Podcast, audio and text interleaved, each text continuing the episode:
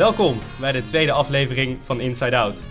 Naast mij zit zoals altijd mijn dubbelpartner Jort.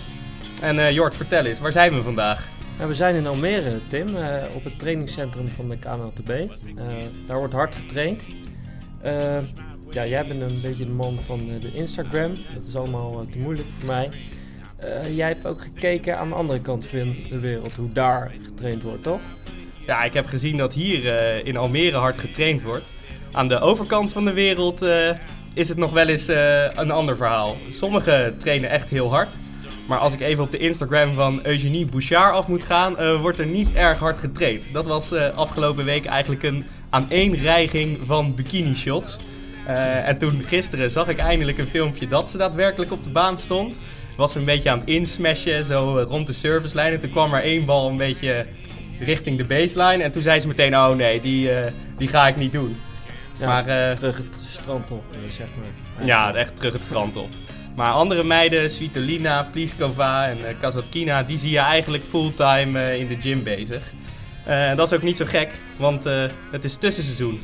Tijd om ook even de balans op te maken aan het einde van het seizoen. Heb, heb jij nog wat statistieken weten te vinden?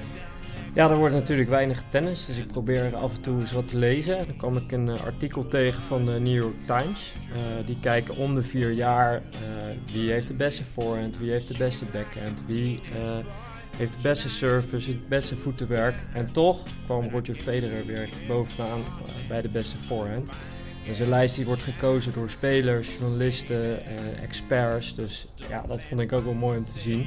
Helemaal nu die ook duizend weken op rij, onafgebroken uh, in de top 100 staat. Dus, uh, Duizend weken, dat is echt 20 jaar of ja, zoiets. bijna 20 jaar. Dat is niet normaal. Ik denk dat 20 jaar geleden, toen serveerde ik nog niet eens boven Hans volgens mij. Nee, nee, inderdaad. Hé, hey, maar Tim, kom nog onze gast even aan. Die zit nu al een tijdje te wachten op ons. Dus, uh...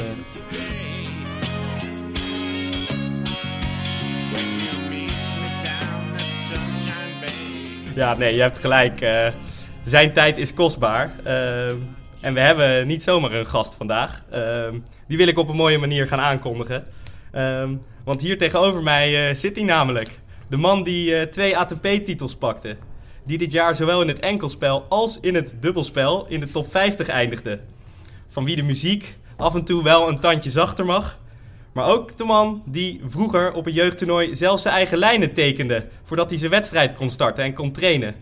Het is de man die nog nooit van Diego Schwartzman heeft verloren. En de man die Federer gepakt heeft. Dames en heren, welkom Robin Hazen. Nou, bedankt jongens. Dat is een, uh, een intro die ik niet zo uh, gewend ben, dus uh, bedankt daarvoor. Wat vond je het leukste onderdeel? sorry, ik trek oh, even mijn biertje open. Wat vond ik het leukste onderdeel? Ja, het ging me eigenlijk niet eens zozeer om de, om de tekst. Ik vond het wel heel mooi hoe enthousiast je was. Ja, enthousiasme staat voorop bij, uh, bij Inside Out. maar als jij nou één zo'n momentje moet pakken uit die intro, wat is, dan, uh, wat is dan iets waar je meteen aan dacht, dat is gaaf? Um, lastig. Uh, maar ik, ik zou eigenlijk, ja, je, je zei dat ik zowel in de single als in het dubbel dit jaar in de top 50 ben geëindigd. Nou, ik ben nu 31 en volgens mij is me dat nog nooit eerder gelukt. dus dat is denk ik wel iets wat heel mooi is. En dat geeft aan ja, dat ik mezelf nog steeds verbeter en dat ik nog zelf nog steeds meedraai met de top. En, uh, en dat, is, uh, dat is denk ik uh, heel erg mooi. En, en, en, en dat is misschien ook iets om stil bij te staan om, om te kijken, oké, maar hier, ja, wat, hoe, hoe kunnen we weer verder? Ja, want het zijn ook maar drie spelers totaal die nu in de top 50 van de single en dubbel staan. Jarry, Chileen en Souza. En de rest, uh, ja, of in de single of in de dubbel. Jack Sock, die is het bijvoorbeeld niet gelukt uh, dit jaar. ja. ja, nee, die heeft een, uh, een nou ja, een, uiteindelijk heeft hij nog zijn vrije val een beetje kunnen beperken door het laatste toernooi. Ehm, nou ja, e-, het grappige is dat een van mijn doelen nou, eind 2017 was om, om in die, nou, je hebt een speciale ranking die houden ze bij. Die zegt eigenlijk helemaal niks. Die, daar kijkt helemaal niemand naar. Maar de tennissers kijken daar wel eens naar. En, uh, en zo ik ook. En dat is de combined ranking van de, zowel de single als de dubbel. Nou, en ik wilde daar dit jaar in de top 10 eindigen. Nou, ik weet eigenlijk nu helemaal niet uh, hoe, hoe, uh, hoe ik daar ben geëindigd. Maar volgens mij ben ik daar derde of vierde geëindigd. Nou, en dat is toch wel iets heel erg leuk. Omdat ja, je stelt je altijd bepaalde doelen. En soms is dat een rankingsdoel. Soms, dan, soms is dat gewoon een, een tactisch doel of een mentaal doel. Maar dit is een van die doelen die ik heb bereikt. En, en, en, en, en ja, dat is gewoon heel erg leuk. Ja, ja dat is gaaf, man. Hey, en we vertelden al even, ik heb die anekdote een keer gehoord. Dat jij een keer naar een jeugdtoernooi ging, ergens in uh, Oost-Europa. En dat je toen, uh, ja, jouw blikje schuimt ook een beetje. En dat jij toen op een baan aankwam en daar waren geen lijnen. En er was alleen een soort maffe machine die een soort stofdeeltjes uitspuugde. Is dat waar? Ja, nee, ik denk dat je dan inderdaad over een toernooi hebt. we speelden eerst, volgens mij heette die dat destijds de, de Bambini Cup in Koelstein. En toen gingen we, dat was onder 12. Nou, op zich wel een leuk feitje, feitje dat ik in de, nog tegen twee jongens heb gespeeld. Lucas Latschko en, en, en Matthias Bachinger. Nou, waarvan ze allebei in de top 100 hebben gestaan. En, uh, en eentje nu ook nog steeds staat. Dus dat is wel grappig dat je op zo'n jonge leeftijd elkaar al tegenkwam. Uh, maar toen zijn we van dat toernooi zijn we naar, ehm, ja, naar Hongarije. En volgens mij heette de plek heette ja, PES, of zo, zoiets in ieder geval. Ehm, maar we zijn daar naartoe gereden. En uh, nou, dat was toch wel een aardig stukje rijden. En uh, wij kwamen daar aan. Nou, en er was geen tennisbaan te bekennen. nou, wat bleek, we waren naar de verkeerde PEX gereden. Dus uh, we moesten nog eens een keer 400 kilometer gaan rijden. En toen kwamen we eigenlijk te laat aan bij het toernooi voor de inschrijvingen. Dus we konden niet meer meedoen. Maar ja, we wilden toch even spelen. Maar toen bleek inderdaad dat de lijnen op sommige banen nog helemaal niet gedaan waren. Nou, en, uh, dan moet je eigenlijk voorstellen dat je, net zoals bij een, uh, een voetbalveld, ja, dat iemand die lijnen zo tekent met, ja. een, met, ja, met een roller. Ja, tegenwoordig gaat dat waarschijnlijk meer met een machine. Maar destijds was het met een roller die, die, die daadwerkelijk verf of kalk afgaf. En ja, dan stond ik mijn eigen lijnen te, te maken, ja. En weet je nog met wie je daar was? van de Nederlandse equipe? Uh, ja, dat was best wel wat grotere groep. Uh, bij de meiden was dat denk ik een Lisanne Balk, een Sylvana Bauer. Ehm, ja, misschien zelfs een Marit Boonstra. Ehm, ja, ik durf niet te zeggen wie er nog allemaal waren. maar het waren op zich altijd wel een beetje dezelfde mensen. En van de jongens uh, was het denk ik Remco de Rijken, uh, Koen van Keulen, uh, nou, ikzelf dan, misschien een aantal van de Duim. Dus dat soort jongens. Ja. Gaaf zeg. En we zijn hier vandaag in Almere. Jij bent, jij bent hard aan het trainen. Misschien wel voor het belangrijkste toernooi van dit jaar wat eraan komt. Ja, de, je, ik neem aan dat je bedoelt de nationale volgende week. Zeker weten. Ja, nou, het is in ieder geval altijd heel erg leuk om te spelen. Ik vind het altijd leuk om in eigen land te spelen. Um, ja, hoe, hoe belangrijk het is daar zijn we het misschien niet helemaal mee eens. Maar het is, het, is, uh, het is voor mij in ieder geval een toernooi dat ik, ja, dat ik toch altijd wil winnen. Kijk, ik speel om te winnen. Het is wel altijd een toernooi in de loop der jaren ook geweest waar ik ja, bepaalde dingen ging testen. Dus bijvoorbeeld vorig jaar heb ik van racket gewisseld. Uh, of tenminste, ik heb niet een heel nieuw racket gehad, maar ik heb uh, de grootte van het blad heb ik uh, wat veranderd. Groter nou, of kleiner dan? Of wat was nou, kleiner niet, want ik speelde met het allerkleinste blad ter wereld op dat moment. dus er was geen één speler die kleiner speelde dan ik. Oh. de meeste spelers tegenwoordig spelen zo tussen de 95 en de 100 inch. Ik speelde met 88 inch. Wow. Dus dat was echt heel klein nog. Waarom? Bewust of toevallig? Vroeger speelden ze veel vaker met, uh, kleine, met een kleiner blad. Um, uh, en spelers zoals ook een Ivan Nizevic, maar ook een Jan Simmering vroeger. Federer ook, toch? Federer ook. Federer zat zelfs op 85 inch ja. op zijn eerdere jaren. Nou, en je ziet dat in de loop der, ja, der tijd is dat een beetje veranderd. alleen, ja, ik, ik was zo gewend aan het racket, ik kon die overstap niet echt maken. Maar ik merkte gewoon in de afgelopen twee jaar dat ik bepaalde kracht miste... Uh, en dat had eigenlijk niks met mijn slag te maken. Het had ook niks met mijn lichaam te maken. Het was gewoon puur het materiaal. En uh, ja, toen zei ik van ja, we moeten gewoon een keer een stap maken en kijken. Nou, toen ben ik naar Oostenrijk gegaan, naar de firma van Het, om daar uh, ja, echt rackets te testen. En ja, en, en, dat was een ongelooflijke leuke ervaring. ik wist eigenlijk niet hoe rackets gemaakt worden. Nou, dat was wel heel bijzonder om dat te zien. Nou, dan, dan denk je eigenlijk nog eens een keer eerder na of je wel een racket uh, gaat, op de grond gaat gooien of niet. Vertel eens even dan, hoe, hoe, wordt een racket gemaakt? Ja, dat, dat is heel moeilijk uit te leggen, want het is een proces van wel 15 uh, verschillende uh, stappen en ook wel, ik denk wel acht verschillende machines. maar er zit ook weer handwerk bij. Ehm, het is in ieder geval een heel, heel gedoe. Ehm, maar wat mij eigenlijk het meest aparte ervan was, is dat het de dikte van een racket, als het begint, is het eigenlijk niet dikker dan een, een A4'tje. Uh, alleen dan natuurlijk veel groter en langer. En dat wordt dan opgerold en daar begint het mee. Uh, ja, dat, dat, dat, dat was voor mij zo apart om te zien. Want ja, je denkt, ja, een, een racket, dat is keihard. Dat, dat, ja, dat krijg je niet zo snel stuk. Maar het begint dus eigenlijk ja, met een heel dun materiaal. En wordt um, elk racket, elk merk zeg maar, wordt allemaal zo gemaakt? Ja, uh, dat, dat was eigenlijk inderdaad ook een van mijn eerste vragen aan de firma. Want ik kan me voorstellen van, nou ja, dat rackets in, of dat nou in Azië als die gemaakt wordt, dat dat heel anders gaat. Uh, maar blijkbaar niet. Uh, dus um, het proces met bepaalde machines kan misschien sneller, wordt misschien anders gedaan. Maar al in principe begint een racket altijd op dezelfde manier. En, ja, en, en eindigt natuurlijk ook op de, dezelfde manier. Ja, precies. Uh, in het bespanapparaat, wat wij hier ook overigens uh, op tafel hebben staan. Is dit een beetje het, uh, het bespanapparaat waar iedereen van de KNLTB hier gebruik van maakt? nee, dit is eerder toeval. de, dit is een, een, een, een bespanmachine van een zoon van een conditietrainer. nou, die is gestopt met tennis. Die is wat anders gaan doen. En, uh, en toevallig de andere conditietrainer, nou, die heeft een zoon die, uh, die nog uh, aan de jonge kant is, maar die ook tennist. En die zegt van, ik neem hem wel over.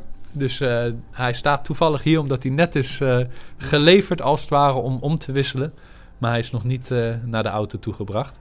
Ja, het ziet er een beetje uit als een oud ding, maar ongetwijfeld krijg je er wel een mooi snaartje in. Dus nog heel eventjes terug naar uh, ja, een van de grootste tennisfeesten van Nederland. In ieder geval, zo staat het op de kaart. Ben jij uh, uitgenodigd voor het openingsfeest zaterdagavond? Oh, nou, ik, uh, dan moet ik eerlijk bekennen dat ik dat even heb gemist dat dat, dat, dat er überhaupt was. Um, nou, ik zal bij deze er niet bij zijn, kan ik je vertellen. Ja, jammer. Ja, maar nou, ik zal in ieder geval de wedstrijden en de hele week daar zijn om ook te trainen.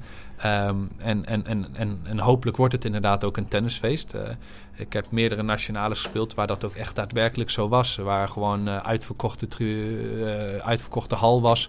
Waar de ongelooflijk leuke sfeer in de zaal was. Dus, en ook natuurlijk gewoon goed tennis. Nou, bij de mannen ook dit jaar doet weer iedereen mee. Wat dat, bedoel je met iedereen dan? Als je zegt iedereen doet mee, want wij konden niet de hele deelnemerslijst zien. Dus misschien kan jij een tipje van de sluier oplichten? Nou, dus je hebt uh, in ieder geval, wat ik met iedereen uh, bedoel, is dat je in ieder geval de, de, de professionals die internationaal spelen, nou, dan, uh, dan waaronder ik, maar een Timo de Bakker, de, de broertjes Griekspoor, dus Tellen en, en, en Scott.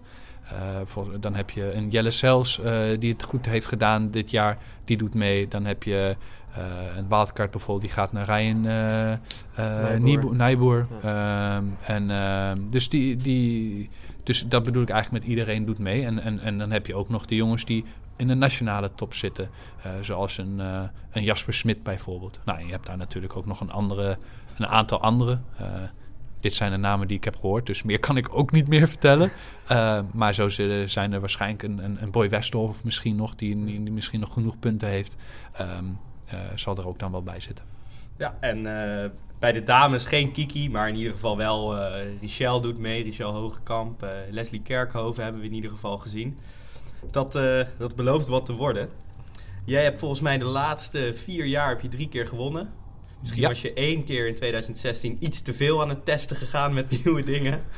Nou ja, ik heb, ik heb destijds uh, uiteindelijk verloren. En, en, en Botik uh, van de Zandschulp in de finale, die heel erg goed speelde. Um, en, um, en uiteindelijk, ja, hij heeft gewoon verdiend gewonnen, want hij was beter. Um, en, en ik, nou, ik was in, in dat opzicht wel weer dingen aan het testen. En dat was op dat moment niet met materiaal, maar eigenlijk met mijn ogen. ik heb vroeger oogtraining gedaan om je concentratie langer vast te houden, om scherper te zien, om misschien beter te focussen. En toen, uh, toen ging ik naar, uh, naar een bepaalde fysio die dat, die, dat deed, die die materialen had om, om die testen te doen. En die fysio die, die vond, uiteindelijk keek hij ook naar mijn lichaam en die vond nogal dat mijn rug wat stijf was.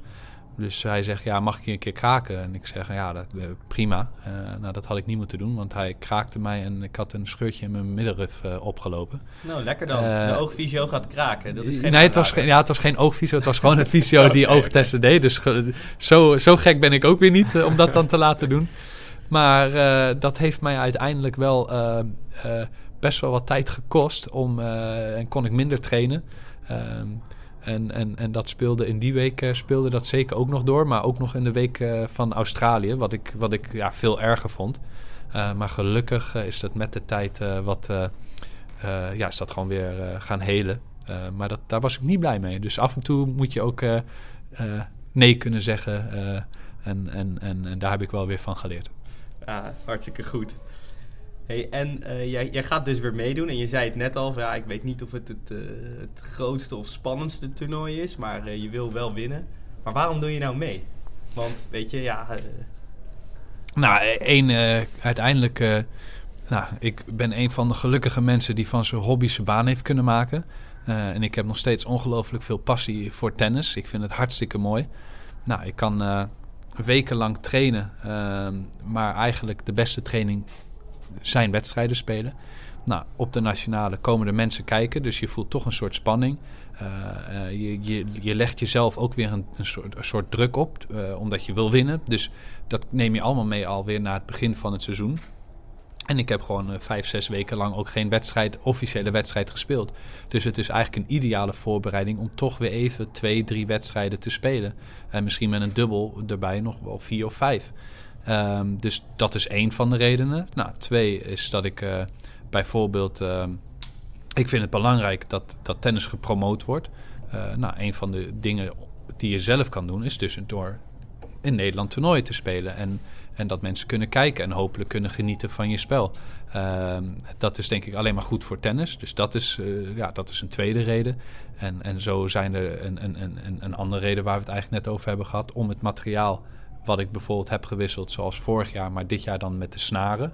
Oh ja? Uh, dus om dat dan ook weer te testen. Heb je nieuwe snaren? Ja, ik heb besloten om, uh, uh, om, om met darm te gaan spelen, in ieder geval half-half. dus met de synthetische snaar eigenlijk, of de polyester snaar waar ik nu mee speel, om die dan alleen maar in de, in de breedte te doen en in de lengte darm. Nou, dat betekent dat, dat je iets harder slaat. Ehm, dat je zelfs misschien iets meer rotatie op de bal krijgt. Maar dat betekent ook dat je misschien wel wat meer controle verliest. Uh, dus dan is het natuurlijk ook weer ideaal uh, om dat te kunnen trainen in wedstrijden. Nou, ik, ik, speelde, ik speel nu pas twee, drie dagen, of nee, nu ja, twee, drie dagen met de, met de darmsnaar. Dus je kan je voorstellen dat ja, je hebt nu nog maar twee, drie dagen en dan begin je eigenlijk al aan de nationale. Dat dat best wel krap is. Um, dus dat dat echt ook wennen is. Um, en alleen ja, dat weet je, die keuzes maak je. Uh, dus moet je ook jezelf de tijd geven en ook, ook, zeker niet verwachten dat het ook maar 1, 2, 3 zomaar weer lukt om, om die wedstrijden te winnen. En hoe kom je dan bij zo'n verandering? Hoor je dat dan van andere spelers of wordt dat ingefluisterd door, uh, door, door je coach? Of door, ja. Nou, kijk, uiteindelijk, ik zoek altijd naar uh, procentjes om beter te worden. Hè. Er zijn niet zo hele vele grote stappen die je vaak kan maken. Um, nou, en, en, en, en dus twee jaar geleden, eigenlijk toen ik uh, met mijn coach uh, begon, tweeënhalf jaar geleden, uh, nou, toen hebben we gewoon eerst meer naar het spel gekeken. Ja, en, en, en, en later, ja, hij ziet ook natuurlijk die jonge jong, jonkies allemaal ja, hakken en hard slaan. En, en bij mij kwamen de bepaalde ballen niet uit mijn racket. Nou, dus hij zat eerst naar mijn techniek, naar mijn voetenstand, naar dat te kijken. Ja, en later merkte hij, hey, het kan ook wel eens aan materiaal. Uh, zitten. Dus daar hebben we het gewoon over gehad. En daar moet je natuurlijk ook altijd voorzichtig mee zijn. Tennis, net zoals heel veel andere sporten, is heel mentaal. Dus je wil iemand ook niet onzeker maken over materiaal. Alleen, ik had daar ook al een paar keer over gehad. Dus hij durfde daar wel uh, ook wat van te zeggen. Nou, toen hebben we dus, uh, zijn we die periode aangaan om dat te veranderen. Alleen ik heb dat jaar geleden ook wel een keer gedaan, vijf, zes jaar geleden. En toen heb ik een fout gemaakt door de snaren en de rackets te wisselen. Hm. Dus daarom had ik gezegd, nou, vorig jaar het racket, nou, dat heeft mij al in de snelheid wat gegeven. En, en nu wil ik eigenlijk nog een kleine stap maken met de snaar. Ja. Sla je ze dan niet super snel kapot, die snaren? Dat is waar ik zeg maar zelf als uh, goede amateurtennisser, om het zo te zeggen, altijd mee zit. Ja. Kijk, ik wil gewoon niet uh, dat die snaar elke wedstrijd halverwege dat je toch weer een nieuw moet pakken of, of wat dan ook. En krijg je dan ook niet dat soort problemen erbij? Nou, daar maak ik me niet zo druk om, omdat, uh, omdat uh, dat heeft eigenlijk niks met, met de darmsnaar te maken. Want met de snaar die ik nu speel, die zit er eigenlijk gewoon goed in en die, die, die loopt helemaal niet zo snel terug. Maar ja, bij wijze van om de set wissel ik sowieso mijn racket. Um, dus ik maak me niet zo druk om uh, snaren kapot te slaan. Ik denk, nou sterker nog, ik kan me niet eens meer herinneren wanneer ik de laatste, mijn laatste uh, snaar heb stuk geslagen. Ook in trainingen? Ik, uh, ja, ja, nee, ik, uiteindelijk um, ook in trainingen, omdat ik begin, ik probeer eigenlijk elke training bijna met een nieuw racket weer te beginnen. Omdat dat het meeste lijkt op een wedstrijd. En um, ja, en dan wil je gewoon uh, ook op die manier uh, trainen. Dus bijvoorbeeld uh, kleine dingetjes zoals een zweetbandje omdoen. Dat doe ik niet alleen maar in een wedstrijd, maar dat doe ik ook vaak in de trainingen. Want als je dat dus in een training niet doet, is een wedstrijd toch weer even wat anders. En dan is je gevoel weer misschien wat anders. Um, en het is niet erg als je een keer zonder traint. Het kan sterker nog, het kan zelfs een keer goed zijn. Um, maar in het algemeen wil je toch dat doen wat je, waar je in de wedstrijd prettig bij voelt. En, en dat dus ook in de trainingen doen. Cool. Dus je traint ook altijd met nieuwe ballen eigenlijk? Of, of dat dan weer net niet? Zo goed als altijd, ja. Uh, maar dat, dat komt ook weer uh, uh, omdat ja, het gaat zo hard tegenwoordig. en dat gaat niet alleen bij mij, maar ja. sterker nog, ik vind mezelf helemaal niet hard slaan als ik tegen die, die jonkies sta te spelen van 17 tot en met 22. die slaan allemaal zo verschrikkelijk hard tegenwoordig. Uh, dat, dat de ballen waar wij mee spelen en we zouden daar ja, twee uur mee spelen, dan zijn ze op. Uh, dus dan, uh, dan, dan raad ik niemand uh, aan om daar nog mee te spelen. Nee, precies. Maar dat hebben wij zelfs al als wij een lange drie-setter spelen. Op ja, ik vooral dan. Bij jou valt het allemaal wel mee volgens mij. Nou, maar ik speel wel altijd lange wedstrijden. Hè? Dus dat, uh, dat moet je dan wel weer uh, Nee, maar die ballen gaan gewoon heel snel, uh, raken die op. Uh, Ja. Zeker dan de ballen waar wij mee spelen. Ik weet niet hoe dat anders is uh, waar jij mee speelt. Nou, dat ligt heel erg aan ook per toernooi. Want het, uh, de rackets, uh, of de rackets, de ballen, die, die verschillen nogal. En, en daar zit natuurlijk andere kwaliteit. Um, en soms ook gewoon de ondergrond in combinatie met de bal. Je kan je voorstellen dat als je in Amerika op een, op een baan speelt waar, waar heel veel zand in zit. Dan gaan niet alleen de, slijten niet alleen de ballen heel snel, maar bijvoorbeeld ook je schoenen. Ja. Uh, uh, en op een hardcourt kan ik in Europa vaak uh, nou, twee weken met een schoen doen. Nou, als ik in Amerika ben, dan kan ik hem na een week al weggooien. Zo, ja. zo ruw is het. Ja, dat hoorden we laatst ook van een vriend van ons. Die had dan bij zijn broer in Bahrein of zo getraind. Ja, volgens mij wel. En die had nieuwe schoenen, waar hij normaal een seizoen mee doet, of bijna een seizoen mee doet. En die kon hij na twee weken in die hitte daar op hardcourt kon die, die weggooien. Dus, ja, uh, ja, dan komt nog de hitte erbij. Ja, ja precies. dus, uh, ja, die is echt leeggelopen op een uh, goedkoop tripje Bahrein. Maar goed, uh, over zonnige, zonnige orde gesproken. Ik heb jou ook een beetje op Instagram zitten volgen, Robin. Het is tussenseizoen. Dan neem je altijd eerst even een lekkere vakantie, of niet? Ja, dit was... Uh, ik ben inderdaad op vakantie geweest. Dit was eigenlijk pas mijn derde echte vakantie in mijn leven. je leven? Ja, ja dus, dus dan heb ik het even niet over... Uh, misschien een stedentrip van een weekend. Uh, dan heb ik er wel echt wel wat meer gehad. Maar dat ik echt op vakantie ben gegaan om, om ja, uh, misschien echt iets te gaan zien. Of dat je ja, langer dan een week weg bent van huis om, om gewoon echt uit te rusten. Dat was eigenlijk pas mijn derde keer nu. En dat was op een eiland in, in Maleisië. En ja, gewoon uit een boek gehaald. Ik dacht, nou, dat lijkt me wel leuk. En, uh, en uiteindelijk dan daar naartoe gegaan. En het was fantastisch. Hoe lang ben je geweest? Uh, uiteindelijk tien uh, nachten, dus dat zijn negen dagen. Kun je dat dan? Ontspannen en op vakantie gaan? Oh, absoluut. ik had het ook echt nodig. het was een lang seizoen met heel veel gespeeld. nou, ik mag dan wel uh, heel erg blij zijn met uh, dat ik in, in, in de single en de dubbel in de top 50 heeft, heb gestaan of uh, sta. Um, maar dat heeft ook wel een beetje zijn tol op het lichaam geëist, maar ook mentaal. Het is, het is pittig om ja, week in, week uit single en dubbel te spelen. Dus die, die rust die had ik zeker nodig. Um, En, en dan, ja, dan kriebelt het na een tijdje wel om weer wat te, te gaan beginnen.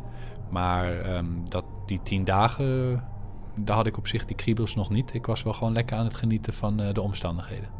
Dan ben je gewoon echt lekker aan het uitrusten. En gewoon veel chillen. Ja, veel chillen. je kan natuurlijk ja, een, hele avontuurlijke vakantie ingaan.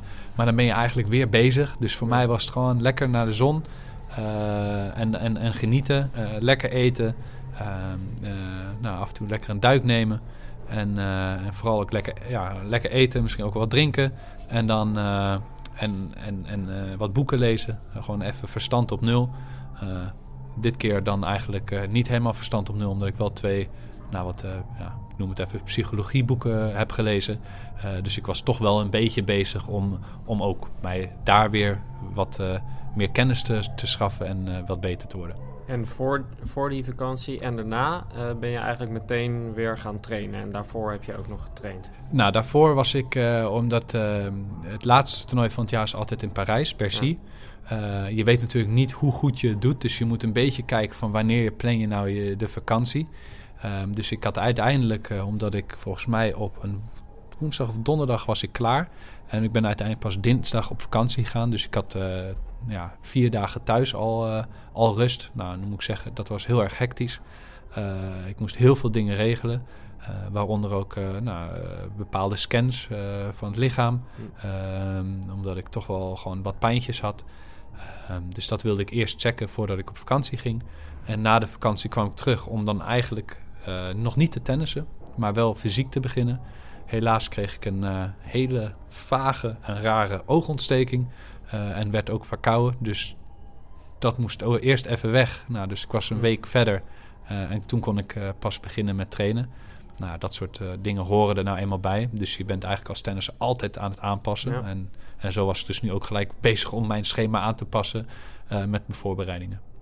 Oké, okay, ja, dat is toch wel bijzonder dat je eigenlijk 50 van, van de 52 weken ben je gewoon met die sport bezig. En ja, mensen zien dat denk ik ook niet altijd. Die zien je natuurlijk uh, waarschijnlijk pas weer tijdens de Australian Open zien, zien spelen. En die denken dat je daarvoor nou, misschien wel twee weken rust of twee maanden rust hebt gehad. Of ja, iets anders heb gedaan. Dus, nee, klopt. Het is, is, mooi om te zien dat ja, je eigenlijk gewoon constant ermee bezig bent. Ja, nee, ja, dat, dat, dat hoort er toch echt wel bij. En het is inderdaad wat je zegt. En het is ook wel, ik snap het ook wel dat ze zo denken, omdat, ja, je ziet dat nou eenmaal niet. Uh, ja, je moet dan als het ware echt, nou ja, in dit geval nu vandaag dan naar Almere komen om te kijken, ja, hoe ziet zo'n dag eruit? Maar ja, wie heeft daar tijd voor?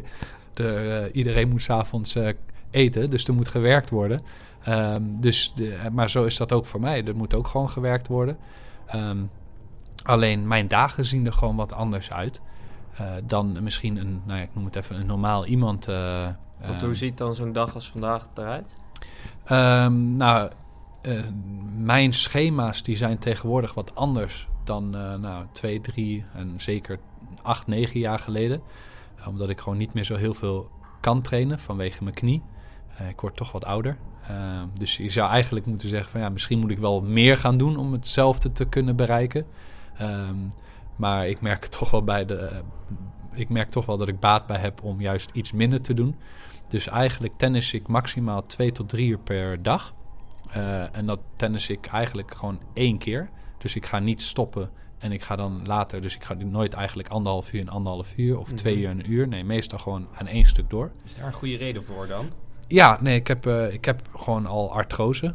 Um, dus, dus als jij dan uh, ja, warm bent, dan gaat het goed. Maar zodra je afkoelt, dan, uh, ja, dan wordt de knie stijf. Je, je, hebt gewoon last met lopen. je hebt gewoon echt opstartproblemen. Um, nou, dat betekent ook dat als ik dus weer ga tennissen, ja, dat ik enorm last krijg van, van mijn knie. daarom is dus eigenlijk ook soms wel lastig als ik dus single-dubbel speel in een week en ik moet op dezelfde dag twee partijen spelen. Daar heb ik nog wel eens moeite mee. Um, dan uh, kan Matwee een beetje het loopwerk doen, toch? Ja, precies. Ik zeg altijd van ja, dan moet hij maar gewoon wat meer doen. En dat vindt hij ook helemaal niet erg. En hij moet ook een beetje energie kwijt. Dus, dus dat is helemaal goed. En, en, en voor mij is het, ehm, ja, is het gewoon belangrijk dat ik gewoon veel fysiek blijf trainen. Dus op zo'n dag doe ik dan minimaal één fysieke training. Maar bijvoorbeeld morgen doe ik twee fysieke trainingen en één uh, tennistraining. En die fysieke trainingen zijn dan niet ja, uren gaan rennen. Of, maar dat zijn dan echt specifieke oefeningen voor mij waar ik baat bij heb. Um, en ja, en zo blijf ik elke dag bezig. Hey, waar wij nou weer benieuwd naar zijn. We, we, hadden natuurlijk al even van tevoren contact met je. Hè, wanneer het handig zou zijn om de Inside Out podcast met je op te nemen. Dat is gelukkig gelukt. Maar jij gaf toen aan, ik weet later meer, want ik ga komende week ga ik mijn schema voor het jaar maken. Nou, wij zijn dan best wel benieuwd. Hoe gaat dat in zijn werk? Doe je dat zelf? Doe je dat met mensen die daar verstand van hebben? En vooral, waar kijk je dan naar? Want wij kunnen voorstellen van, nee, weet je, je kan uh, proberen gewoon alle grote toernooien te spelen. En een uh, soort van proberen maximaal financieel rendement te halen. Of je speelt lekker in de buurt. Of, dus welke afwegingen maak je? En en hoe komt zo'n schema er dan uitrollen? Um, nou, ik zou eerst... Waren eigenlijk misschien wel twee of drie vragen in één. Uh, ja, dan eerst even een kwartiertje door. En ja, dan kan precies. ik even een beetje van mijn bier drinken. nou ja, de eerste is met wie doe ik het eigenlijk? Of ik het zelf doe? Nou ja, ik doe het in principe zelf, maar met mijn team. Nou, mijn team bestaat uit uh, meerdere mensen. En, en, er zijn een, ja, een beetje een vaster team. En dan zijn er mensen die ik als het ware inhuur. Um, nou, ik, heb, ik ik werk fulltime samen met Raymond Knaap. Dat is dan mijn, mijn tennistrainer. Ik werk uh, uh, als ik uh, in het land ben veel met de conditietrainer Steven Schilders. Ehm, in het buitenland werk ik met een andere conditietrainer uit Kroatië. Ehm, ik werk samen met een osteopaat als ik in het land ben. Die gaat af en toe mee naar het buitenland. En ik ga ook beginnen met een fysio volgend jaar ehm, weer uit Roemenië. Nou, dus, dus, dus ik bespreek dan niet per se met iedereen, maar met, met, zeker met de conditietrainer en de tennistrainer bespreek ik het schema.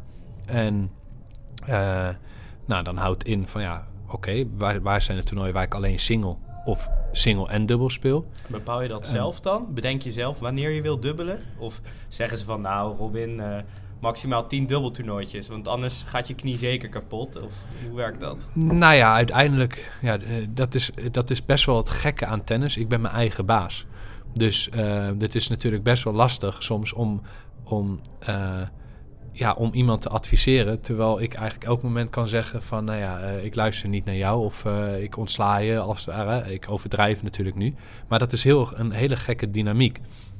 Ehm, maar ik ben heel reëel, ik luister, ik neem alles op uh, als een spons en, en, en kom dan eigenlijk weer terug met misschien met andere argumenten of, of, of, ja, of ga gewoon uit van wat zij mij vertellen, omdat ik weet dat zij het beste met me voor hebben.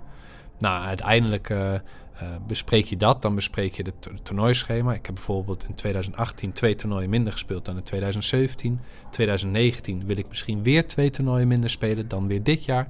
Um, dus je, je maakt bepaalde verschuivingen. Nou, een van de dingen die zou kunnen dit jaar is dat ik na Wimbledon heb ik eigenlijk de afgelopen jaren ben ik weer teruggegaan naar gravel. Een van de dingen waar ik nu op, over na zit te denken om niet meer naar gravel te gaan, maar al eerder naar Amerika voor het hardcourt seizoen. Uh, en dat bespreek je allemaal. En, maar dat, dat doe je ook niet alleen maar uh, nu in deze periode. Het gaat eigenlijk, is dat non-stop. Uh, als je gewoon avond gaat eten, ja, dan bespreek je misschien weer van... hé, hey, het gaat nu goed, uh, wil je misschien, zullen we toch nog een toernooi spelen? Of je zegt juist, het gaat nu zo goed, laten we juist nu even rust nemen... en gewoon even aan je lichaam weer werken. En dat is eigenlijk een continu ja, proces waar, wat nooit stopt. Uh, dus, dus je hebt het daar eigenlijk heel vaak over. Alleen sommige dingen ja, die moet je gewoon een knoop doorhakken uh, wat eerder. Dus wat, waar ik nu de knoop door moest hakken is... Ja, hoe, hoe gaat mijn seizoen de eerste drie maanden er bijvoorbeeld echt uitzien? Nou, dat, dat plan ik dan. En, en kun je dan vertellen waar je dan rekening mee houdt? Bijvoorbeeld, uh, vorig jaar begon je heel goed in Australië al, van tevoren. En dit jaar begin je in Doha, volgens mij. Uh, ja, ik heb mijn eerste toernooi vorig jaar in uh, India zelfs gespeeld. En ben toen naar Auckland gegaan en dan naar Australië. Uh, dit jaar heb ik besloten om uh, niet in India te beginnen, maar in uh, Doha. maar dat komt omdat ik vorig jaar was dat voor het eerst dat het in Pune werd gehouden, dat toernooi. Nou, en de reis daar naartoe en vooral ook de reis naar, van Pune naar Auckland, dat was zo zwaar en zoveel dat ondanks dat ik dan in Auckland ook nog goed heb gespeeld, was dat iets voor mij van waar ik heb gezegd van nou, dat, dat ga ik niet nog een keer doen. En dat bespreek je dan bijvoorbeeld ook met Matwee, want ook hij zit nou ja, niet in mijn team, maar ja, daar hou je wel rekening mee. Ehm, en, en ook hij had zoiets van ja, we hebben dat toernooi wel gewonnen. Maar het, inderdaad, het was eigenlijk. Uh, het toernooi was hartstikke prima, maar die reis was zo verschrikkelijk. Laten we dat niet doen. Uh, nou, en dan maak je keuzes. Ga je dan rechtstreeks naar Australië? Of speel je Doha? Nou, en daar was dan de beslissing vrij makkelijk, omdat uh, Australië weten we dan niet eens zeker of we misschien erin komen, of ik in de single, en in Doha en in India wel. Dus uiteindelijk kies je dan voor Doha. Nou, en zo doe je eigenlijk continu dat met elk toernooi. Um, je zou ook weer kunnen zeggen van, nou, van Doha kan je naar Sydney in plaats van naar Auckland. Auckland is toch weer vier uur verder, nog meer tijdsverschil. Maar ook die week daarna moet je van Auckland naar Melbourne, is ook weer tijdsverschil. Ja, is dat verstandig? Nou, ja, dan kan je zeggen, nou, misschien niet. Maar ik vind dat toernooi zo fijn en daar zo'n goede gym, misschien wel de beste gym van het hele jaar, dat je echt nog het laatste, eigenlijk de puntjes op de i kan zetten. En daar voel ik me heel erg prettig bij. Dus dan maak je weer de keuzes omdat je, eh, omdat je daar misschien gewoon fijn bij voelt. In plaats van dat het misschien ja, qua tijden het beste is. Of qua vliegreizen bijvoorbeeld.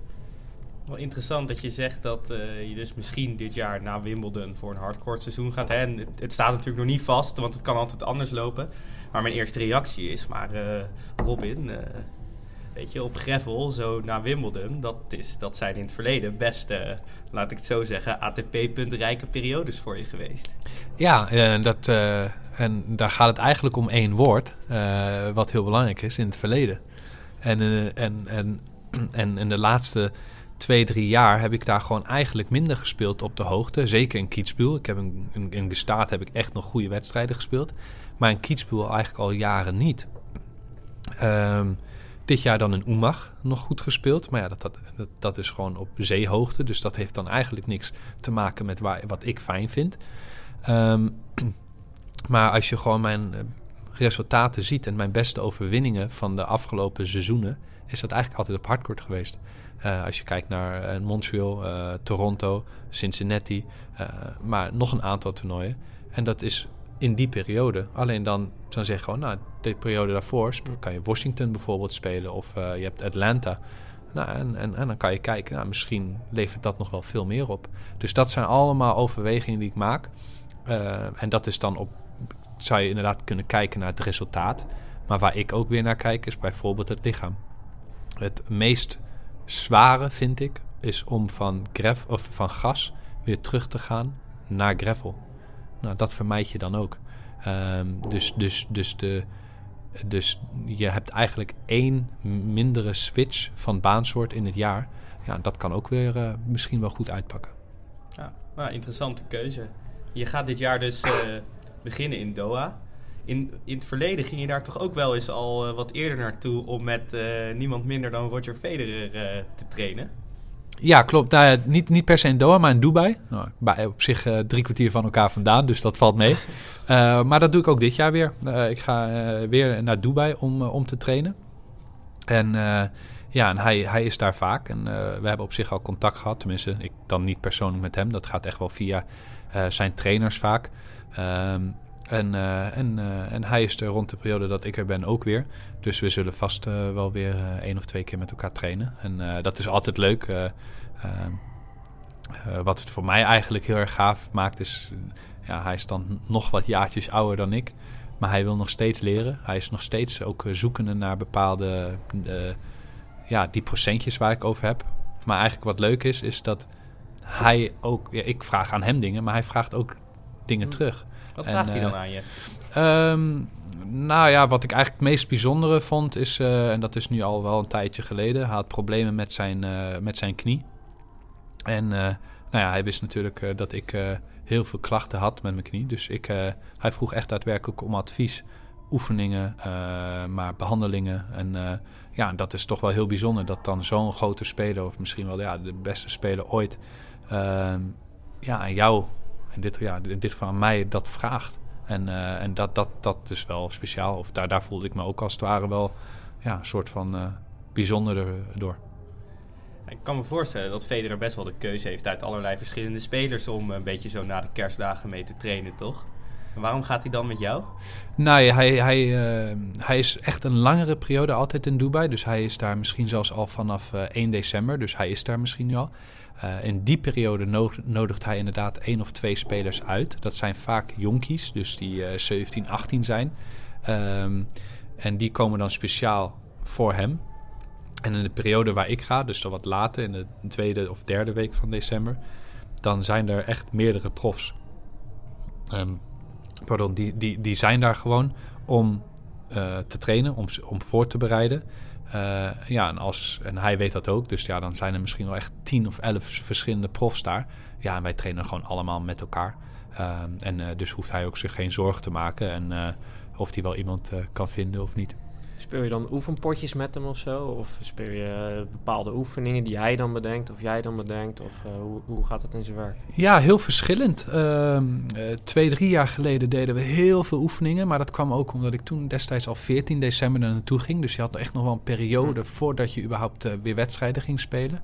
En ehm, ja, toen, ehm, toen was het dus echt veel oefeningen. En, en ja, dan pas je gewoon even aan als hij wat oefeningen doen, wil doen. Maar hij zegt dan ook, oh, wil jij wat? Nou, en dan meestal is het eigenlijk gewoon van, nou, ik wil deze oefening ook wel doen. En dan, uh, ja, zo praat je ook gewoon weer met elkaar. En uh, geef je gewoon, elkaar gewoon de ruimte om, om ja, specifieke dingen te trainen. Uh, vorig jaar bijvoorbeeld heb ik echt alleen maar punten met hem gespeeld. Uh, maar dan hoeft het niet per se te zijn dat je dan echt een wedstrijd speelt. Ja. Het kan dan uh, ja, met bepaalde opdrachten zijn. Of je moet eerst drie, vier ballen op een bepaalde plek spelen en dan is het punt pas vrij. Ik heb wel eens een keer een set tegen hem gespeeld dat je alleen maar één service mag gebruiken. Nou, dat soort dingen. En, um, ja, en ook dat bespreek je dan met elkaar. Echt hele specifieke oefeningen. Dus eigenlijk bijna zoals je het uh, in normale trainingen ook uh, zou doen, eigenlijk. Ja, nee, ja, uiteindelijk, ja, ja, ik snap dat het Roger Federer is en dat iedereen nou, denkt, wel wat gaaf en, uh, en leuk. Maar ja, uiteindelijk, het is een tennisser. En ja, er zijn maar een x-aantal oefeningen als het ware die je kan doen. En, en, en, ja, en die doet hij dus ook. Wat is, wat is jouw favoriete oefening om te doen met Federer? Oef, mijn favoriete oefening. Daar heb ik nooit over nagedacht. Um, uh, poeh, ja, lastig. Uh, ja, het is gewoon altijd leuk om met hem in het algemeen te spelen. Omdat je, je voelt hoe, hoeveel hij over heeft. Uh, en hoeveel plezier, en uit, dat straalt hij ook uit, hoeveel plezier hij heeft om, toch weer op die baan te staan na al die jaren. En dat algemene gevoel, ja, dat maakt het zo speciaal met hem te spelen. En niet per se één oefening. heb je nog zeg maar voor ons uh, amateurtennissers heb je nog, nog tips? Want jij, jij denkt heel goed na over je tussenseizoen. Ja, voor ons begint de eerste serieuze test 8 april weer. Ja. als, als de competitie begint. Wat, wat zou je er aanraden? Wat, wat, wat werkt nou echt heel goed om in dat tussenseizoen nog te verbeteren? En misschien in het tussenseizoen, als je, als je dan niet zoveel sport, misschien het bier een beetje achterwege te laten, jongens. maar dat is misschien stap 1. Uh, ja, dat hebben we redelijk onder controle. Oké, okay, nou vooruit, vooruit. Um, nee, uh, ja, uiteindelijk, uh, ik, ik krijg deze vraag best wel vaak gewoon van, ook vooral van kinderen natuurlijk, die dan zeggen, oh, kan je me een tip geven? En het is gewoon heel erg moeilijk, omdat eigenlijk, ja, er is geen, ja, één tip die je beter laat spelen. Um, uh, iedereen heeft, nou, dat is juist mooi aan tennis, andere slagen, andere technieken, uh, andere manier van spelen. Um, dus, dus, dus dit is eigenlijk heel algemeen, maar en dan zeg ik ook altijd: als je echt wat beter wil worden of je wil vooruit gaan, heb vooral plezier erin en wees wel gedisciplineerd. Dus als je dan iets doet, doe het dan gewoon met kwaliteit en niet per se met kwantiteit. Maar ja, neem het dan als het ware voor dat. Ja, je kan plezier hebben, je kan lachen. Maar probeer wel om daadwerkelijk dan die vooruitgang te boeken door er ook serieus aan te werken. En, en de meeste mensen willen het als het ware van, oh, ik krijg een tip en dan moet het eigenlijk wel beter gaan. Ja, zo werkt het helaas niet. Um, ja, zo werkt het voor, voor mij niet, zo werkt het voor ja, niemand niet. En hoe sta jij er dan in qua fysiek versus tennis in dat tussenseizoen? Zet je extra in op fysiek? Um, nou, zover je kan. Ik denk dat je daar echt een onderscheid moet maken tussen de profs en, nou, ik noem het maar even, de amateurs. Um, ja, als ik dan naar mijn eigen broer kijk of, of vrienden, ja, die, die tennissen dan in de winter gewoon wat minder. Of misschien soms helemaal niet. Ja, het lijkt me dan toch wel verstandig om, om in ieder geval eens een keer naar de gym te gaan. Of gewoon ja, gaan joggen of gaan fietsen, crossfitten, hoe het allemaal tegenwoordig heet. Vroeger was het Taiboen. Uh, nou ja, dat soort dingen in ieder geval. Om dat misschien toch wel, nou, in ieder geval misschien één of twee keer in de week te doen. En dat niet eens zozeer voor je tennis, maar gewoon voor je algemene gezondheid. Ik denk dat sporten zo gezond, het is zo goed voor je. Um, ik denk dat je de juiste, door de, eigenlijk de hormonen die vrijkomen, dat je alleen maar fijner voelt als je het hebt gedaan. maar je moet, ja, je moet je wel even toe, toe zetten. En dat is vaak voor de meesten hè, de grote stap. Dus daar zou ik alles adviseren om zoek een groep mensen waar je gewoon een klik mee hebt en ga het samen doen, want samen is het toch leuker. Heb jij dan in Dubai ook een klik met, want jij zegt er zijn daar meerdere profs. Heb je dan ook echt een beetje een band? Hmm. Ehm, ja, uh, lastig. Uh, uiteindelijk, ja, echte vrienden die heb je nauwelijks op tour op de tour. En, en, en, en uiteindelijk weet ik van tevoren soms niet eens wie er allemaal gaat. Ik weet nu drie, vier spelers die gaan in Dubai. Ja, en, en, daar train ik dan graag mee. Maar het is niet zo dat ik met ze ga eten of ga lunchen en, uh, uh, en echt goed contact of een, een band mee heb. Maar ik heb natuurlijk wel mijn eigen team. En, en, en daar ga je dan wel af en toe leuke dingen mee doen. Maar wordt er helemaal niet gelachen op zo'n Dubai-training als je daar met een paar profs bent? Ja, er wordt zeker wel gelachen. En, er wordt wel, en zeker ook op de baan wordt er absoluut plezier gemaakt. Uh, Wie is daar goed in dan? Op de Tour nu? Om een beetje ehm, plezier te schoppen? nou, ik denk, in het algemeen uh, is het denk ik gewoon hartstikke leuk. En uh, in ieder geval hè, bij de trainingen. Ehm, ja, naast de baan moet ik eerlijk zeggen, ja, weet ik het niet zo goed. Kijk, je, je hebt wel eens leuke gesprekken met iemand. En daar kan je ook enorm mee lachen. En, en, en, en zo heb ik een aantal spelers ja, waar ik gewoon heel veel plezier mee kan hebben. Maar dat is toch wel, ja, ik noem het maar even vrij oppervlakkig als het ware. Het is altijd voor korte duur. Uh, ja, en als je echt met iemand uh, bij wijze van spreken wil feesten en, en een beetje gek wil doen, dat weet ik tegenwoordig niet meer. Want ik doe het al jaren niet. eigenlijk nooit echt gedaan, zeker niet op tour. Ehm, maar ook de spelers zijn tegenwoordig in dat opzicht wel veel serieuzer dan vroeger ook niemand van wie je gehoord hebt afgelopen jaar dat er toch een klein excesje was, zo links of rechts? Um, nou, nu zo on the spot uh, weet ik het niet. Uh, als ik er misschien wat langer over na ga denken, ja, dan, dan zijn er vast wel uh, één, twee spelers die, die ik weet. zeker in een week zoals bijvoorbeeld in Oemag. dat is toch een soort van partystad in die periode met waar heel veel vakantiegangers. En daar wil nog wel eens een speler een drankje te veel drinken s'avonds als hij al heeft verloren. okay, maar niet als hij de dag daarna nog moet spelen. Dat, uh, dat komt niet voor. Dat, dat is vroeger wel eens gebeurd, zeker bij dat toernooi. Dat jongens daar naartoe gingen nou, als een soort van halve vakantie. maar tegenwoordig ja, kom je daar gewoon niet meer mee weg. Nee, ehm, nee, en, en, en, en, en zijn het echt...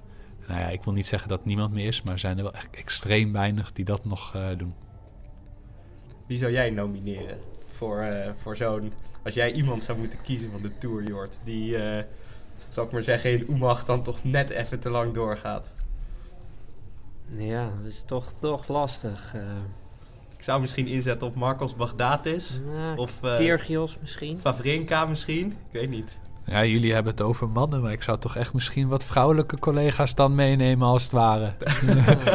een beetje, dan kan in ieder geval nog een beetje dansen of zo. Nou, als ik op Instagram ben... Nee, dan ga ik, ik ga het niet weer over Instagram hebben. Uh, dat komt volgende keer wel weer.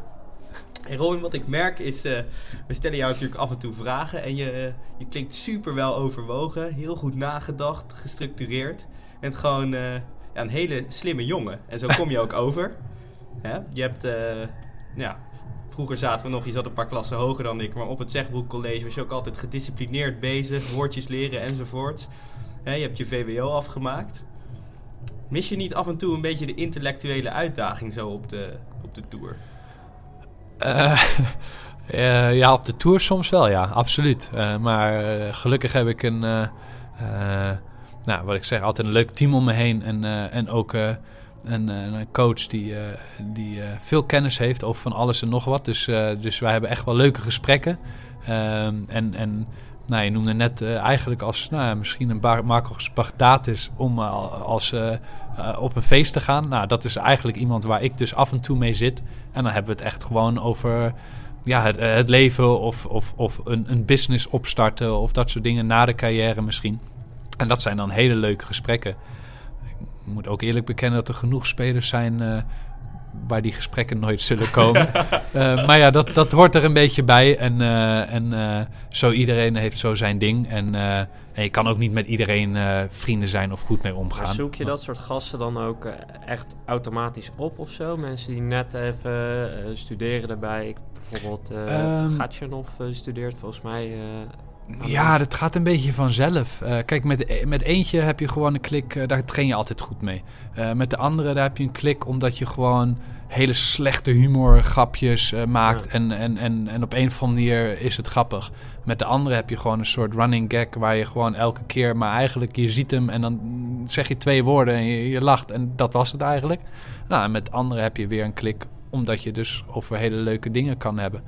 Nou, een van de dingen waarom bijvoorbeeld ook leuk is om met Matwee te spelen, met Matwee Middelkoop, is dat, uh, dat hij ook heel veel over dingen nadenkt en dat hij ook heel veel kennis heeft. En of dat nou uh, algemene kennis is of gewoon over bepaalde onderwerpen, uh, wat er op dat moment speelt in het nieuws, dan, dan is dat natuurlijk heel erg leuk om daarover te hebben. Want alleen maar over tennis hebben of sport, ja, daar...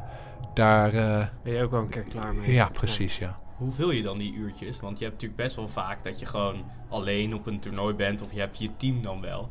Maar je, je kunt niet constant op de baan staan, je kunt niet constant fysiek trainen. Wat doe je dan? Want ik, ik kan me voorstellen, je, je bent gewoon een, uh, een slimme kerel, dus dan een beetje lui zijn en niksen lijkt me heel moeilijk. Um, nee, heerlijk eigenlijk. ja, nee, ja. Nou, ja, nou ja, kijk, uiteindelijk... Uh, het, het ik heb altijd zeeën van tijd als het ware, maar dat is tijd waar ik niet zo heel veel mee kan. En dat zijn op een gegeven moment ook keuzes die je moet maken als tennisser uh, of als sporter.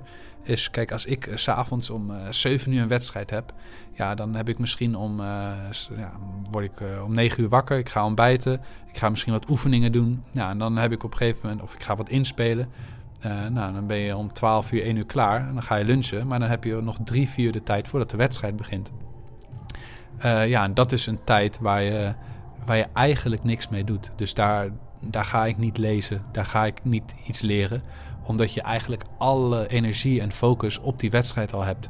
Um, dus je probeert echt uit te rusten. Dus, dus in dat opzicht moet je leren om, om gewoon echt niks te kunnen doen. En of dat nou, soms is het gewoon uh, ja, door uh, nou, Netflix aan te zetten en gewoon stomweg een beetje een filmpje te kijken of een serie.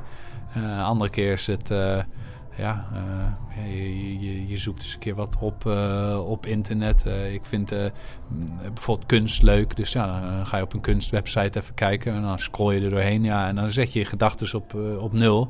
Ehm, nou, en zo, zo zijn er meerdere dingen die je, die je dan eigenlijk doet, terwijl je niks doet. Um, en, en dat, ja, dat moet je leren, dat kunnen sommige spelers ook niet. En die zie je dan ook dat ze aan, als dan een hele week uh, een, een, toernooi is, dat ze echt ehm, ja, zaterdag energie hebben, zondag, maandag, dinsdag, woensdag. Ja, en dan op een gegeven moment woensdag de tweede, derde partij speelt. En het gaat eigenlijk naar het finale weekend toe. En dan zijn ze opgebrand. Omdat ze dus niet eigenlijk uit kunnen schakelen. Dus dat is iets wat ik gelukkig van nature makkelijk kan. ik ben dan wel heel gedisciplineerd. Ik vind het heel leuk om veel en zwaar te trainen. Maar ik kan ook lekker heel erg lui zijn. Ja, dat klinkt als de, de ideale combinatie. Misschien ook de reden waarom je het al, uh, al zo lang in de, in de top van de, van de ATP Tour volhoudt. Uh, misschien. En ja, uiteindelijk is het in ieder geval een manier die voor mij werkt. En misschien voor anderen zijn natuurlijk ook weer andere wegen. Ik kan me wel voorstellen dat ook juist, hè, doordat je, je denkt gewoon veel na, je bent gedisciplineerd, je wil graag het beste uit jezelf halen. Dat heeft natuurlijk ook zijn weerslag af en toe op de baan. Uh, zeker. Uh, het is, uh, ja, ik, ik, noemde het al eerder, tennis een enorm mentale sport. Kijk, iedereen kan op een gegeven moment tennissen. En, en, en, en de concurrentie die, die is moordend en die wordt alleen maar meer en meer. je ziet ook nu echt een overgang van nieuwe talenten die, er, die erbij komen. En, uh, en dat de oude garde, ja, die houdt het nog wel vol. Maar sommigen, ja, die, die zakken echt. om maar een Bagdatus weer te noemen. Ja, die, die gewoon zo'n goede tennisser, of nog steeds een goede tennisser is. Maar die, ja, die gewoon moeite heeft om een bepaalde ranking te staan. In ieder geval voor een langere periode. Um, maar om terug te komen eigenlijk op je, je vraag, dat, dat, het, dat het wat met je doet, uh, zeker. En, en, en uh, het, het reizen, wat heel veel mensen en ook vrienden van mij denken, oh, oh, je gaat weer op reis, wat leuk, is een soort van vakantie. Ja, nee, dat levert best wel wat stress op. Uh, en vermoeidheid. Ja, en dan elke dag, als het ware, dag in dag uit, toch je trainingen doen. dan kan het natuurlijk zijn dat, op, dat je op een punt komt waardoor het je te veel wordt. En zeker als je dan nog voor duizenden mensen staat te spelen en het gaat niet zoals je wil, dan kan je gefrustreerd raken. En dat zijn dingen die moet je onder controle krijgen, maar dat, dat is de ene keer makkelijker dan de andere keer. Voor mij was het bijvoorbeeld een aantal jaar geleden, uh, nou, de knie, dat weet iedereen, uh, dat ik daar last van heb. Maar op een gegeven moment kreeg ik ook last van mijn onderrug. En dat was eigenlijk, waren dat mijn 1, 2 jaar, en dat, uh, dat ik op zich goed speelde. Uh, maar dat waren mentaal gezien mijn slechtste jaren. En dat kwam gewoon mede, ik zeg niet dat het alleen maar daar komt, maar mede omdat ik zoveel pijn had. En uh, pijn doet wat met je. En als je dat niet alleen al hebt als je tennist, maar ook naast de baan, ja, dan, dan, dan vreet dat continu. Het is eigenlijk, ja, het, zit continu te zeuren. En, uh, en, en, en ja, dat was zo pittig dat, ja, dat ik ook wedstrijden daardoor verloor. Want ja, ik kon niet meer op 100% spelen. Ik op 80%. Terwijl je dan misschien 7-6, 7-5 verloor. En dan denk je, ja, 5% beter en ik win het. Ja, en dat knaagt aan je.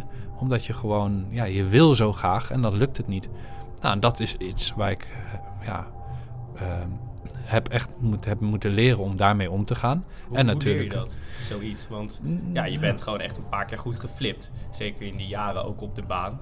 Ja, daar vindt ehm. dan iedereen wat van en los daarvan. Ja. Uh, hoe, hoe werk je daaraan? Ja, nou ja, kijk, uh, ik denk dat er, dat er wel een heel groot verschil is tussen de algemene view en wat er misschien daadwerkelijk gebeurt. Um, de paar keer dat ik als het ware echt ben geflipt, die vallen als het ware mee. En soms was het helemaal niet eens zo. Um, en dat, ik praat nu helemaal niet mijn gedrag goed. Maar wat eigenlijk veel. niet goed te praten hier. Nee, maar nee. Het is gewoon de, de interesse. Want ik kan me heel goed voorstellen dat het eenzaam is. En dat je af en toe denkt: wat ben ik hier aan het doen? Nou ja, wat er dus vooral gebeurt. En dat is iets. En dat, daar gaat het eigenlijk om. En dat ziet er ook niet leuk uit. En dat weet ik als ik begin te praten tegen mezelf. Hè, dat is, daarom zeg ik, ja, dat flippen, dat, dat, dat, dat valt wel mee. Maar het praten, het als het ware het zeuren, uh, of hoe je het maar wil noemen. Ja, dat is iets dat, dat, dat maakt mij ook echt, dat, dat, daardoor ga ik slechter spelen. Dus dat heeft ook helemaal geen functie. Dus ik zou bij wijze spreken, bij wijze van spreken beter kunnen flippen. Want dan ben je het kwijt en dan ga je weer.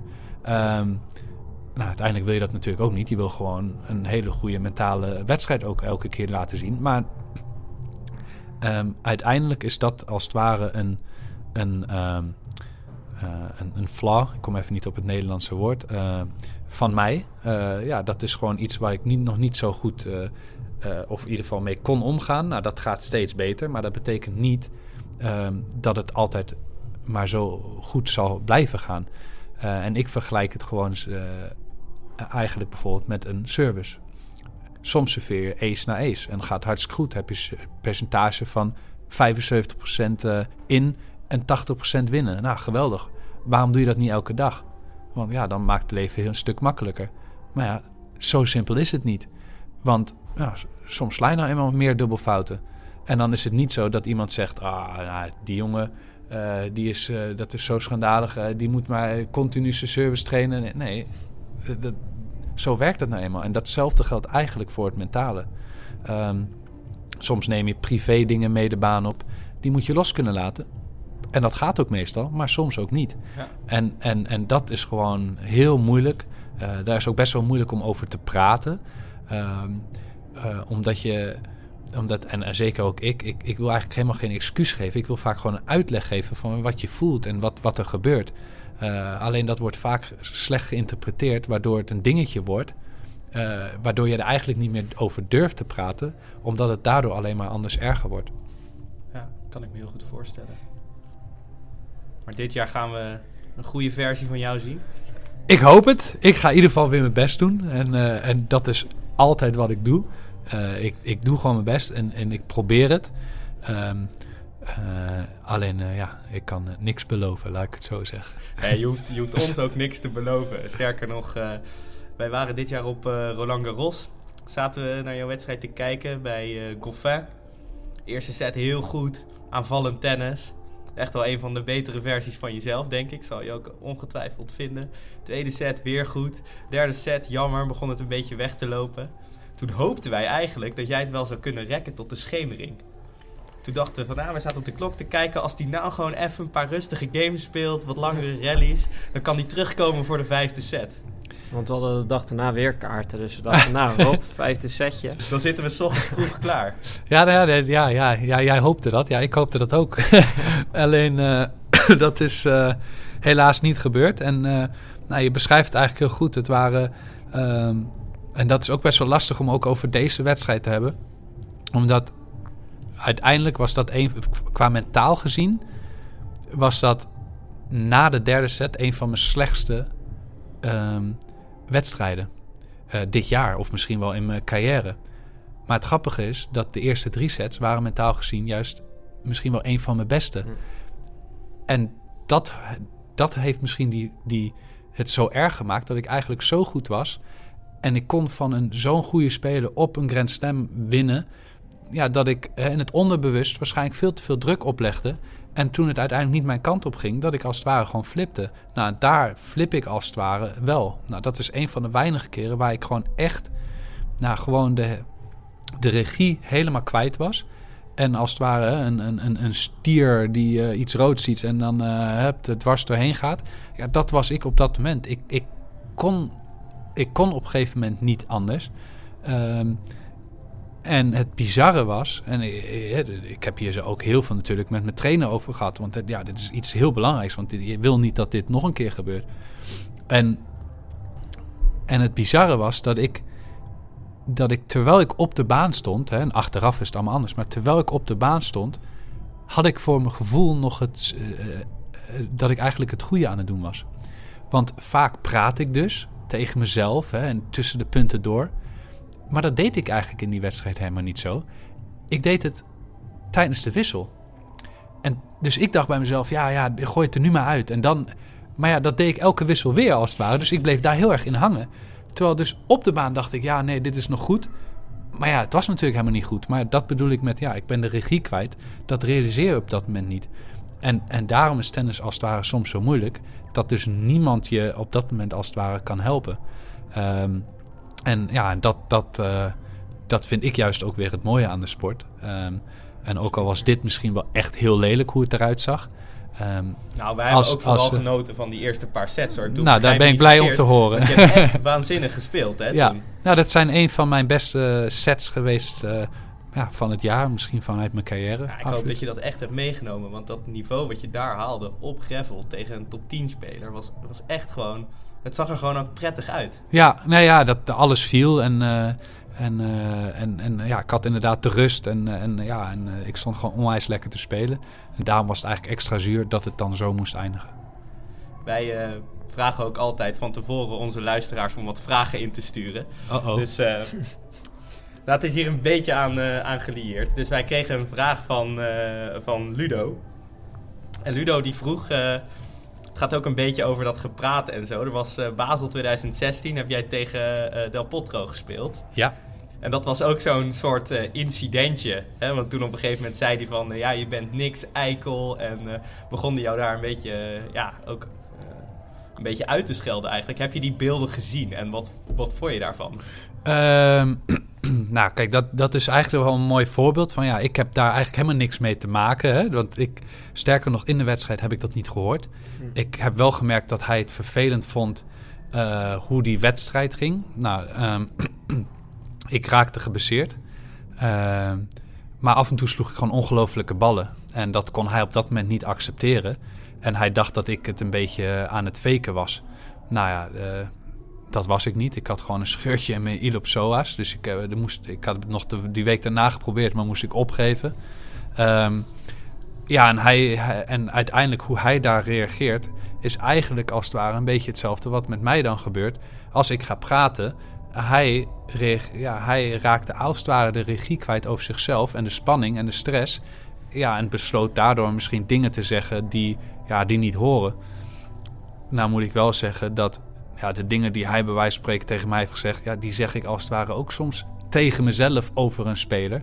Maar dat, ja, dat is helemaal niet persoonlijk op dat moment. Het is gewoon, je wil winnen, je wil... Hè, het is een, een bokswedstrijd als het ware. Ja, je, je, je, je, je, bijt je erin vast. En dat is eigenlijk wat hij ook doet. En hij maakt zich fel op die manier. Ehm, dus ik heb daar helemaal geen problemen mee. Ehm, ik zou pas problemen mee hebben als hij het bij wijze van in een single... eh, sorry, in een wissel... eh, echt daadwerkelijk naar me toe komt en dan probeert mij te provoceren of zo. Dat is echt onsportief. Hier vond ik eigenlijk helemaal niks van en had ik ook echt helemaal geen probleem mee. Ook achteraf dus. En hij volgens mij uiteindelijk ook niet meer. Want eh, Nee, eh, we hebben daarna nog tegen elkaar gespeeld. En nou, ik weet dat hij... Nou, Del Potro is dus een speler die eigenlijk bijna nooit zijn emoties eigenlijk laat zien. En ik kreeg in een wedstrijd in Miami waar ik eh, ongelooflijke bal sloeg... eh, deed hij zelfs een, een, een, thumbs up, dus je duim omhoog. Eh, nou, dat, dat doet hij nauwelijks. Dus, dus dat was al een prestatie op zich. Dus eh, ehm, eh, ik denk dat hij mij gewoon respecteert. Ik respecteer hem in ieder geval. Ik vind hem een ongelooflijk goede speler. Ehm, en eh, ehm, ja, en is het voor mij daarmee ook als het ware gedaan. ja, kan ik me voorstellen. Nou goed, wij zijn al eh, een eindje op weg eh, in deze podcast, eh, Robin. Dus we gaan er straks lekker een, een einde aan maken. Maar waar ik nog wel benieuwd naar ben, is wie, wie jij graag in de volgende podcast eh, aflevering graag zou willen horen op, een op één of ander tennisfacet. Ja, ik weet eigenlijk niet wie, wie was de eerste eigenlijk. Nou, wij zijn begonnen met de enige echte Sean van Lottem. Oké, nou kijk eens aan. Die stond Eh. op je shortlist misschien, maar die, die mag je dus niet meer noemen. Nee, nee, nee. Ehm, nou ja, kijk, het is, ik denk dat het sowieso leuk is om een variatie te hebben tussen, tussen ex-spelers of oud-spelers en, en, en, en, en, en de, de profs van nu. Maar ik denk dat het ook wel leuk is om, eh, om, eh, om juist een keer een trainer te spreken. En dat hoeft niet mijn trainer per se te zijn. Ik denk dat je ook niet gelijk aan Raymond Sluiter moet denken, hè, want dat zijn de bekenderen. Maar eh, misschien eens een keer een trainer ja, die, die een tennisschool ehm, heeft. die, die misschien toch ja, vroeger internationale ervaring heeft gehad. Nou, eh, er is een goed voorbeeld van een Tjerk Borscha bijvoorbeeld, die, die toch denk ik wel heel veel te heeft vertellen. Of het nou over de Davis Cup was, over nu zijn eigen school, over zijn samenwerking met Jan Siemerink. Eh, ik denk dat hij een mooi verhaal heeft te vertellen en eh, dat zou bijvoorbeeld een optie kunnen zijn. Nou, leuk joh. Dat, Die staat ook op onze longlist, toch, Tjerk? ja, Tjerk staat zeker op de longlist. Die kan nog wel een keer een, eh, een berichtje We verwachten. hebben geloof ik een lijst nu van eh, 40 namen. Dus, eh, Oh, ik wist we niet eens dat we zoveel het, eh, tennissers nog hadden eh, in Nederland. Ja, als je Ah. een beetje de archieven induikt, hè, en, eh, dan, eh, dan kom je een heel eind. Dus eh, er gaat nog genoeg eh, moois komen. Hey Robin, ik ga jou eh, enorm bedanken voor, eh, voor je tijd vanavond. Goed om jouw ervaringen te horen.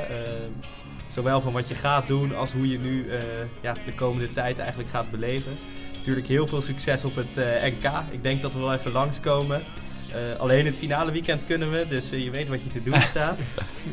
Dus we, hebben er, we hebben ervan ge- ontzettend van genoten. En we hopen dat we je in, in 2019 ook weer lekker aan de slag kunnen zien op de diverse toernooien. Natuurlijk bedank ik ook weer de luisteraars van Inside Out, de Nederlandse tennispodcast. Leuk als je als luisteraar nog even laat horen wat je ervan vond vandaag. Ook eh, wat je van het optreden van Robin vond, of het een beetje door de beugel kon. En, Beetje eh, aardig zijn, jongens.